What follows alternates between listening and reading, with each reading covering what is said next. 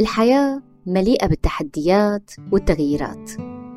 بليلة وضحاها ممكن نجد أنفسنا محاصرين بمشكلة أو محنة تتجاوز كل توقعاتنا. فكرتي من قبل إنه الأوقات الصعبة ممكن تخبي وراها كتير من الفوائد؟ نعم الأوقات الصعبة تخفي بداخلها دروس قيمة وفرص رائعة للنمو.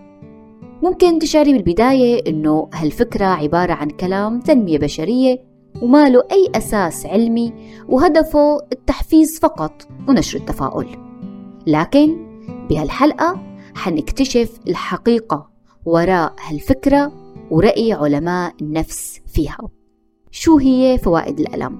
شو هي العوامل الرئيسية يلي بتساعدنا على الاستفادة من المحن؟ وهل كل الناس بتقدر تتعلم من أزماتها؟ ولا في أشخاص معينين بيقدروا وأشخاص لا؟ وبهالحلقة كمان حنكتشف كيف تغيرت حياة بعض الأشخاص للأفضل طبعا بفضل الأوقات الصعبة. تابعوني. معكم الأخصائية النفسية سارة فرعون بشارككم من خبرتي وقراءاتي ضمن بودكاست تكتيكات حياتية. هدفي نشر الوعي بأهمية الاهتمام بجانبك النفسي. حتى تكوني أكثر راحة وسعادة. مواضيعي جديدة ومتنوعة وبعتمد بشكل أساسي على أبحاث ودراسات أجنبية حديثة. عنوان حلقة اليوم فوائد الألم. بهالحياة ما في حدا ما عنده معاناة من نوع ما أو على الأقل عانى بفترة من حياته من أوقات صعبة. الفقير ممكن يكون عنده قلة بالمال. الغني ممكن يكون عنده قلة بالصحة. الحياة المثالية الخالية من الصعاب للأسف ما لها موجودة. كل ما نحقق هدف معين كل ما نوصل لشي كنا بنطمح له بترجع بتظهر عقبة جديدة بحياتنا. وخلقنا الإنسان في كبد طيب شو المغزى من هالألم هاد؟ في فائدة عن جد من الألم من الأوقات الصعبة؟ بعد فراق شريك الحياة ممكن خسارة عمل مهم أزمة صحية مشكلة بالإنجاب اكتشاف مرض عضال أو حتى اكتشاف خيانة زوجية الحياة ما بتعود نفسها نظرتنا للحياة بتختلف. مشاعرنا قيمنا أولوياتنا وطبعا سلوكنا. الزوجة بعد ما تكتشف خيانة زوجها بتبدأ تشعر قد ظلمت نفسها. لما كانت تهتم بزوجها أكثر من نفسها. ولما يواجه أي شخص وعكة صحية مفاجئة حيكتشف قديه اليوم العادي الطبيعي يلي كان بيقدر يمارس فيه نشاطاته المعتادة بدون أي تعب قيم ولا يقدر بثمن. فكل ألم بيصيبنا ما بيجي وحده لازم يجي معه هدية. علماء النفس بيسموا هالظاهرة بنمو ما بعد الصدمة أو Post Traumatic Growth. بيعيش الفرد النمو ما بعد الصدمة لما بيقرر يبحث عن الخير والأشياء الجيدة المخباية بين الألم. وهالشي بيؤدي لتجاوز هالأزمة الكبيرة بنفسية جديدة وعقلية مختلفة. تم تحديد هالظاهرة من قبل علماء النفس ريتشارد تيتشي ولورنس كالهون. وبناء على البحث اللي أجروه وصفوا خمس أنواع من النمو يلي ممكن يحدث مع مرور الوقت. أول نوع بيتمثل بتعرف الأشخاص الناجين من الصدمات على فرص جديدة موجودة أمامهم واستغلالها. بعرف إنسانة مرقت بوضع صحي صعب لكن مع الوقت وجدت أنه هو فرصة للتخلص من فوبيا المستشفيات. فهي كانت بتعاني من فوبيا من الإبر والدخول على المستشفى. كانت كتير بتخاف أول ما تدخل على مستشفى وبتبدأ ترجف وتتوتر وتبكي وفعلا بسبب هالوضع الصحي كانت قادرة إنها تتخلص من هالفوبيا. الصدمات ممكن كمان تقرب الناس من بعضها بطريقة مدهشة. ممكن تجعل الأفراد يقيموا علاقات أقوى مع الناس المقربين منهم أو مع الأشخاص اللي عانوا نفس معاناتهم. وبعض الأشخاص تجاوزهم للصعاب بيزرع داخلهم قوة كبيرة وبتخلي عندهم نضج أكبر. وهالشي بيقويهم أكتر على مواجهة الحياة. والبعض بيصير عندهم تقدير كبير وعميق للحياة. بيصيروا يقدروا كل نعمة صغيرة وكبيرة عندهم أو فينا نقول بيطوروا عندهم عادة الامتنان. وأخيرا تجاوز الصدمة عند بعض الأشخاص ممكن يؤدي لإعادة التفكير بعلاقتهم مع الله. بعد الزلزال اللي صار بسوريا في كتير صبايا بعرفهم قاموا باتخاذ قرار ارتداء الحجاب.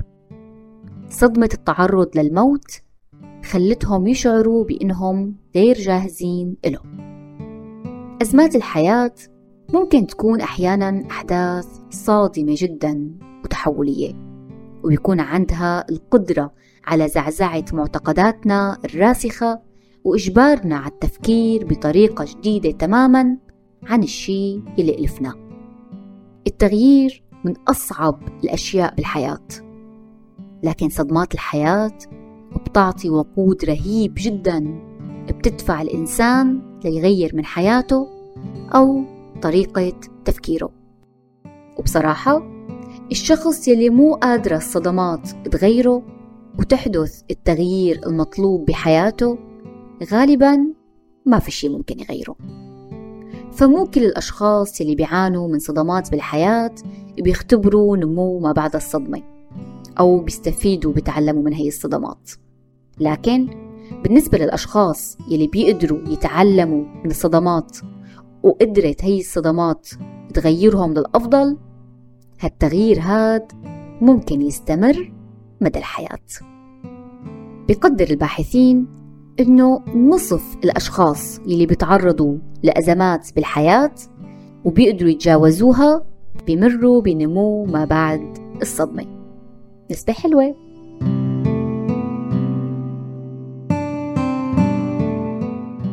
من الفوائد الأخرى للمحن إنها بتعلمنا ما في شي مستحيل. بدنا نتوقع كل شي من هالحياة. خفض سقف التوقعات مثل ما بيسميها الدكتور عبد الرحمن ذاكر أمر مهم جدا بالحياة. بيعلمك المرونة التقبل التكيف بسهولة مع مشكلات الحياة. وبيساعدك جدا على تجاوز الأزمات الصعبة والاستفادة منها.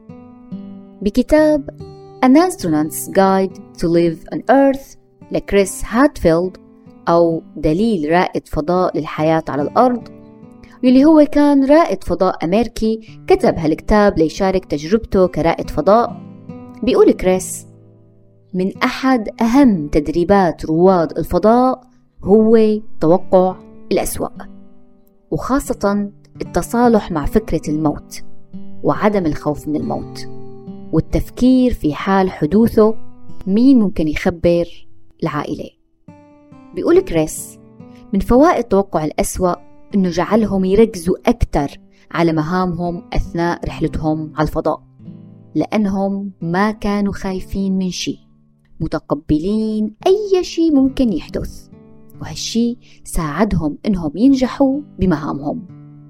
وبضيف كريس إنه هالشي كمان جرب يطبقه بالحياة ولقاه مفيد جدا.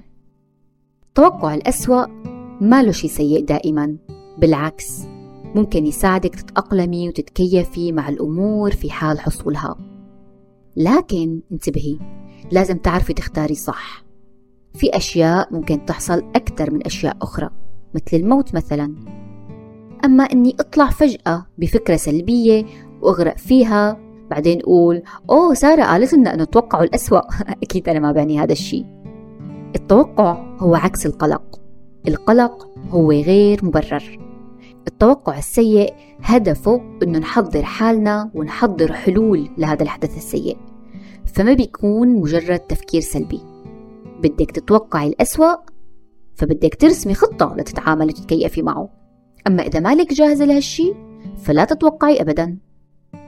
مثلا ممكن تتوقعي إنه تفقدي عملك بأي لحظة. هذا الشي وارد.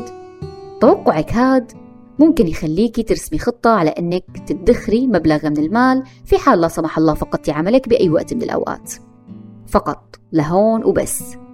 توقعتي حطيتي خطة حطيتي حل وبس.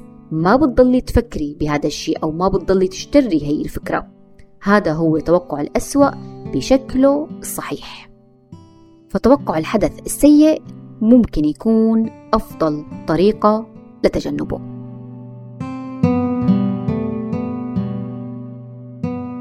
اجتمعت بسيدة من خلال الاستشارات عانت من عدة أزمات ومشكلات شخصية بوقت واحد.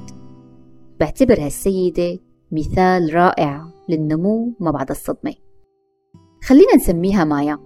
سبق وذكرت أني لما بحكي قصة أي متعالجة ما بذكر هويتها الحقيقية وممكن أعدل بتفاصيل القصة تبعها بهدف الخصوصية طبعا.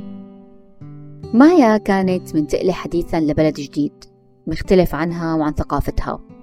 هالانتقال هاد خلاها وحيدة؟ وهي كانت أول محنة. مجتمع جديد ما بتعرف حدا ما في أصدقاء ما في عائلة. حتى زوجها كان دائما مشغول بالعمل. يلي ما سبق وجرب الوحدة. الوحدة من أصعب الأشياء يلي ممكن الفرد يعيشه. أنا سبق وعانيت منه. فكنت شاعرة تماما بالشي اللي عم تمرق فيه. ولجانب الشعور بالوحدة عانت مايا من مشاكل عائلية كبيرة. وهالشي زاد من ألمها ومن صعوبة المحنة يلي عم تمر فيها. وبعد فترة بتكتشف مايا أنه عندها مشكلة بالزائدة الدودية وبتحتاج لجراحة فورية. الشخص لما بيكون مريض بيكون من أحوج الناس لأشخاص جنبه يرعوه ويهتموا فيه. كل هالشي كانت عم تمرق فيه مايا. لما إجت مايا وطلبت استشارة كان كل شي بدها إياه هو إني ساعدها إنها تلاقي مجتمع وأصدقاء وتحل مشاكلها العائلية. وبعد فترة من الوقت ولما توقفت مايا عن حضور الاستشارات بعد تجاوزها لهالمحنة الصعبة هي صار كل شي بدها اياه إنه تهتم بنفسها. أوف كيف هيك؟ وجدت مايا إنه الهدية أو الفرصة اللي ممكن تمنحها إياها الوحدة هي إنه تتعرف على نفسها أكثر تحب وتهتم بنفسها وتأنس فيها. طبعا بالإضافة لمناقشة جوانب تانية من حياتها وتزويدها بالأدوات والطرق المناسبة إلها الأنس بالنفس قاد مايا لمجموعة حلوة من الأصدقاء ولحياة اجتماعية غنية. فكيف الناس بدهم يأنسوا فينا إذا ما كنا نحن أصلا نأنس مع نفسنا؟ عالمنا الداخلي بينعكس على مظهرنا الخارجي بدون ما نشعر. بحب نوه إنه مو كل شخص عانى من الوحدة حيكون الحل الأساسي لإله هو الأنس بالنفس. كل إنسان مختلف وكل مشكلة بتتطلب حلول مختلفة. الأنس بالنفس مفهوم مهم لكل الناس ممكن يفيدنا كلنا. لكن ممكن بعض الأشخاص يلزمهم تطوير جانب معين لحتى يقدروا يستفيدوا من هالمفهوم بالشكل الصحيح. مهما كانت مشكلتك أو محنتك كبيرة إلا ما يكون فيها جانب خير إلا ما يكون فيها عطاء من رب العالمين. إن مع العسر يسرا إن مع العسر يسرا. لن يغلب عسرا يسرين تتذكروا فترة الكورونا والحجر الصحي؟ قد كانت صعبة؟ تخيلوا في دراسة نشرت بمجلة الطب النفسي وجدت أنه 88% من المشاركين باستطلاع رأي عن فترة الحجر الصحي واللي كان عددهم 385 شخص قالوا إنهم تعرضوا لآثار إيجابية من الحجر الصحي. فلاحظوا المشاركين بتحسن بالعلاقات الأسرية وذكروا أنه زاد تقديرهم للحياة وخاصة للقدرة على مغادرة المنزل وتفاصيل الحياة اليومية بعد هالجائحة.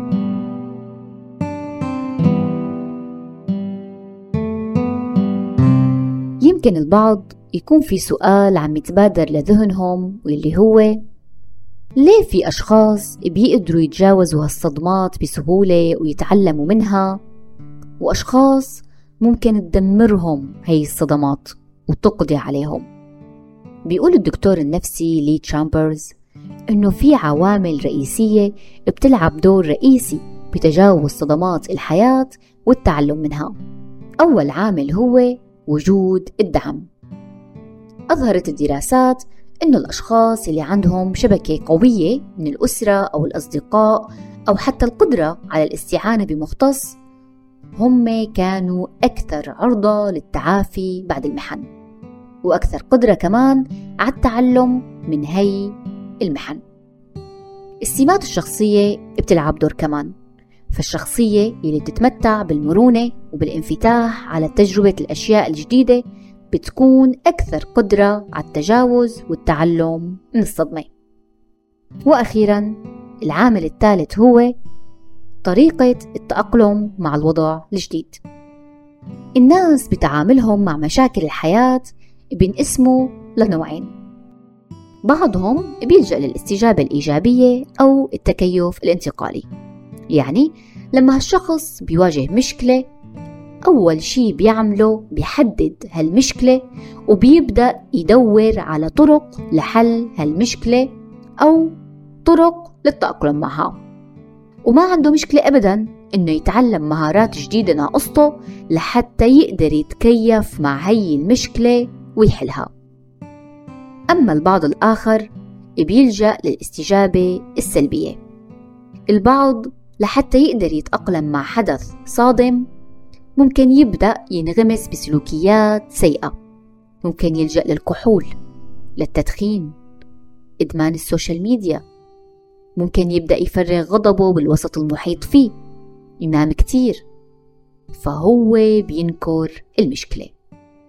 والطريقة الصحيحة للتأقلم مع أي حدث صادم هو العمل على دمجه بحياتنا وتقبله. ومن خلال هالشي بيبدأ الفرد بإجراء تغييرات جديدة بحياته بتسمح له إنه يستفيد من المنح المخبأة بهالمحنة طيب يا ترى أي شخص بيقدر يستفيد من فوائد الألم؟ بيقدر يتخطى ويتعلم من تجاربه المؤلمة؟ غالبية علماء النفس بيجاوبوا بنعم لما تضعي بذهنك إنه هالوقت الصعب رح يمضي ولما بتنظري للصعاب على إنها تحديات وفرص للتطور والتغيير مو على إنها تهديدات حتكوني قادرة أكثر إنك تنمي وتتغيري وتتعلمي منها.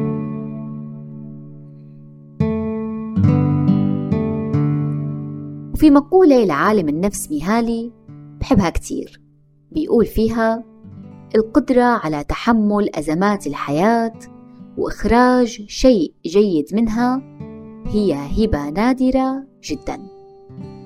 إذا ما كنت بتتمتعي بهالهبة الفريدة هي لا يعني أبدا إنك غير قادرة على تنميتها.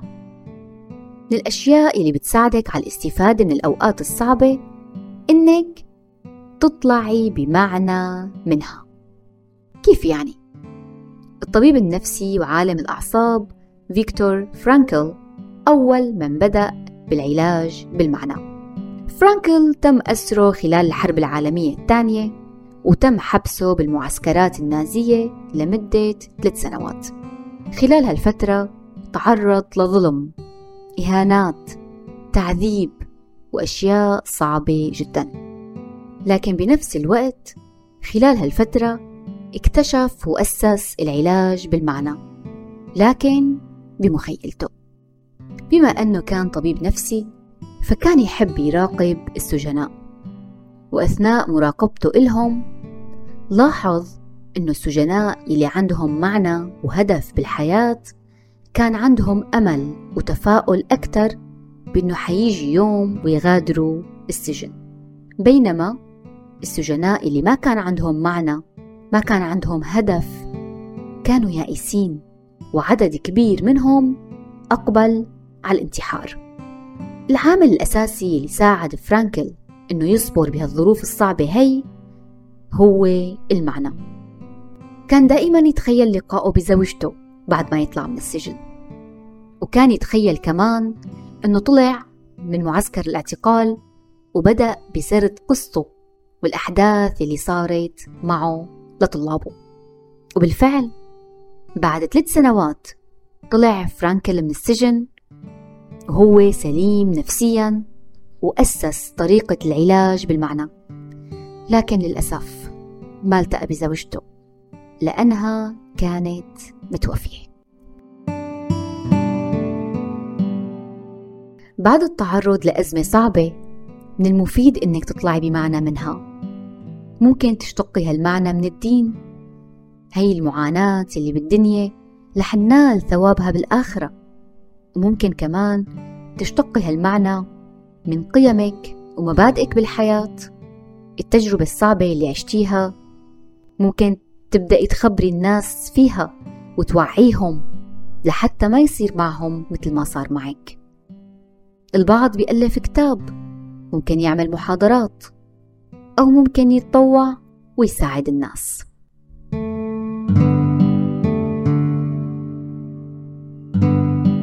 من الصفات الشخصية اللي بتساعدنا على تجاوز المحن والتعلم منها هي الصبر.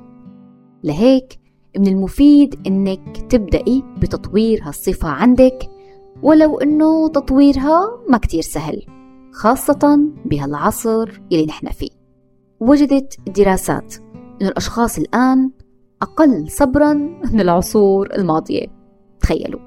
وهالشي بسبب التكنولوجيا والسوشيال ميديا. الرسالة قديما كانت تستغرق أحيانا أشهر لتوصل. الآن تستغرق مجرد ثواني أو حتى أقل. مشاهدة التلفاز قديما كانت تفرض علينا دعايات وإنه ننتظر حلقة مسلسلنا المفضل كل يوم وممكن أحيانا ما يعرضوا هاي الحلقة فكتير ننزعج ونتضايق. الآن تقدر تدخلي على اليوتيوب وتشاهدي المسلسل كله بالوقت يلي انت بدك إياه. عملوا دراسة على مستخدمي اليوتيوب. ووجدوا إنه لما فيديو ما يشتغل بسرعة ويكون في شوية مشاكل بهالفيديو وجدوا إنه نسبة انتظار المستخدم هي خمس ثواني فقط. ما حكينا لسه على ال fast food ونمط الحياة السريعة. كل هي الأشياء بتأثر على دماغنا بتأثر على صفة الصبر فينا. الدماغ كله مرتبط ببعضه. فهي الأشياء اللي ممكن نعتبرها بسيطة بتأثر بشكل غير مباشر على صبرنا. وهالشي طبعا كله له تأثير على تجاوز الأوقات المؤلمة والاستفادة منها.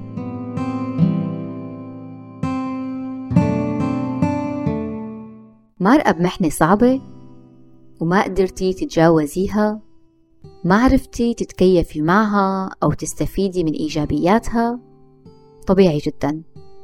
قدرتنا كبشر على التجاوز والنمو مختلفة جدا. البعض بيقدر يتجاوز وينمو بعد الصدمة خلال فترة وجيزة. والبعض ممكن ما يقدر يحقق هالشي أبدا. الاستعانة بإخصائي نفسي ممكن تساعدك جدا بهالشي. تقدري تحجزي معي استشارة نفسية عبر رسائل الصفحة على الفيسبوك. بيذكر عالم النفس ميهالي بكتابه فلو أو التدفق؟ إنه في قرية للهنود الحمر بكندا كل 25 ل 30 سنة بيقرروا حكماء القرية إنهم ينقلوا مكان القرية بالكامل لمكان تاني مختلف تماما. والسبب؟ إنه لما تصير الحياة روتينية وما فيها تحديات بتصير الحياة مالها أي طعم. فبينتقلوا ليواجهوا تحديات جديدة ويزدادوا نضجا. أزمات وتحديات الحياة ممكن تكون متعبة كتير. لكن إذا قدرتي إنك تتعلمي منها وتحوليها لفرصة للنمو للتغيير فأنت بتكوني عم تكسبي شيء ممكن يبقى معك للأبد. صعوبات الحياة دائما بيجي معها رسائل خفية. حاولي تبحثي عنها. تقرأيها منيح. وتتعلمي منها. ومن أكثر الرسائل الرائعة يلي بتجي معها هي إنه بتأثبت لك دائما إنك أقوى من ما بتتخيلي. بتمنى تكون عجبتكم حلقة اليوم. تقدروا تخبروني رأيكم عن طريق صفحة تكتيكات حياتية على الفيسبوك اليوتيوب أو الإنستغرام. إما عن طريق comment أو رسائل الصفحة. لا تنسوا تعملوا متابعة و like للحلقة. دمتم دائما بصحة نفسية.